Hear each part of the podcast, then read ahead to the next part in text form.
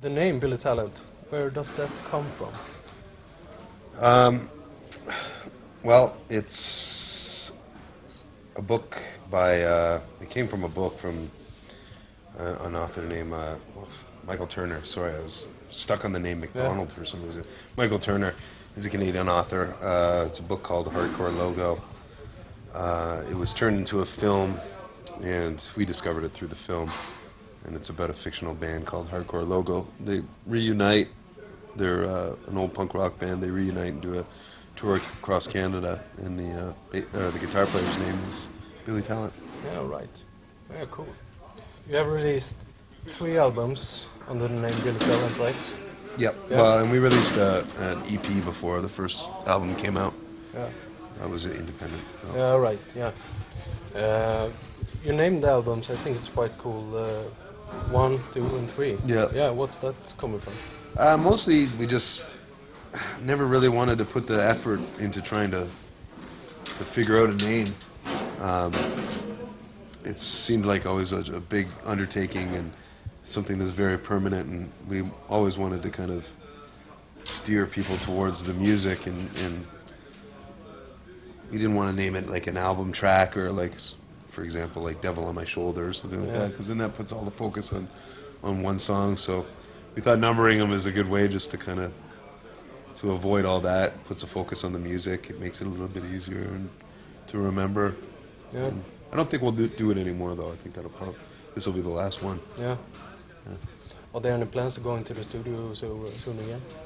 Uh, well, we'll be touring this record up until uh, probably close to the end of the year, or at least until fall, Yeah. and then uh, we'll start writing and see how how fast we can come up with the next record. But uh, I mean, we don't have any plans right now to get in the studio. We don't have any new material or anything like that. So No. You're not that kind of band that writes stuff when you're on tour, so to speak. no, I, I think sometimes Ian will come up with ideas and stuff like that, but not writing songs. It's it's not the atmosphere. You know, you, you'll end up writing some song about the road, Yeah. and nobody can relate to that kind of stuff. Those songs, they're not very good, generally. Uh, you guys have been working with two of the, one of the biggest names in the business, uh, Brendan O'Brien, that produced and, uh, the record, Yeah. and uh, Wayne Isham. Uh, how was that? How was tho- those two people to work with? Uh, it was awesome. As, well, with Brendan, it was amazing for us because he he produced some of our favorite records of all time. So it was really an honor and uh, awesome learning experience. And you know, at first it was intimidating because he's such a big name, but then you know he has a a good personality, and you- you warm up to him, and then you really start to appreciate his company. And he really helped bring the songs from like 95% to 100%. Like, Yeah. He was able to to make the strong s- songs stronger and and, uh, and his his technique in the studio is different than what we had done before. So we learned a lot. It was it was it was fun. And with Wayne, you know, filming a video is a pretty short process for a band. Like yeah, aside from you develop the ideas and everything like that, it's only it takes one day Yeah. to film it and stuff like that. So I, you don't really get to know the video directors too well, but um, the result of the video, uh, we really were happy with the end result, and uh, and it, it was his idea too. Like the whole video was his idea. Yeah. We contributed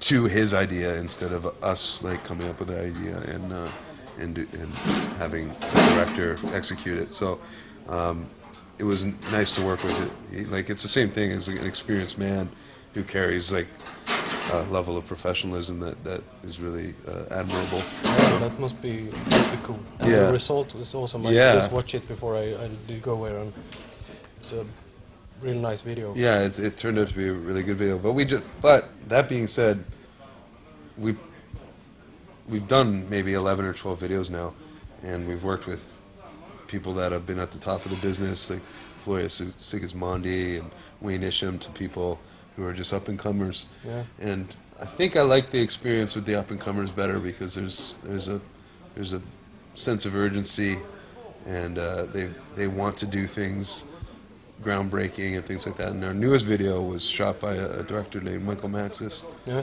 uh, for Veronica, Yeah. Saint Veronica, and uh, Is it is that one released yet?